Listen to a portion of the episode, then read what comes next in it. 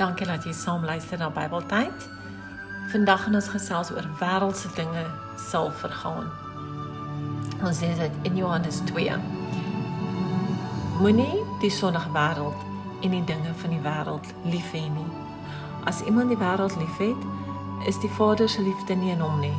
Die wêreldse dinge, alles wat die sondige mens begeer, alles wat sy oë sien en begeer, al sy gesteldheid op besit, kom nie van die Vader nie maar uit die wêreld.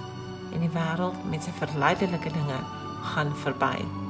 Maar wie die wil van God doen, bly vir ewig. Ons lewe in 'n tyd waar almal angstig voel wanneer hulle nie soveel verdien soos die buurman nie. Ons noem dit living up with the Joneses. Almal wil meer geld maak sodat hulle meer kan koop meer huise kan besit of 'n beter kar kan ry. God wil hê ons moet geniet dit wat ons nou het. Al sit ons nie in die beste finansiële situasie nie, kan ons wel geniet die klein dingetjies in die lewe. Soos om te lag en om dankbaar te voel omdat ons lewe. Die natuur is al klaar op sy eie groot seën vir ons. Ons kan gaan kamp, ons kan gaan visvang, Ja, ons kan so, ons kan net gaan stap in die natuur.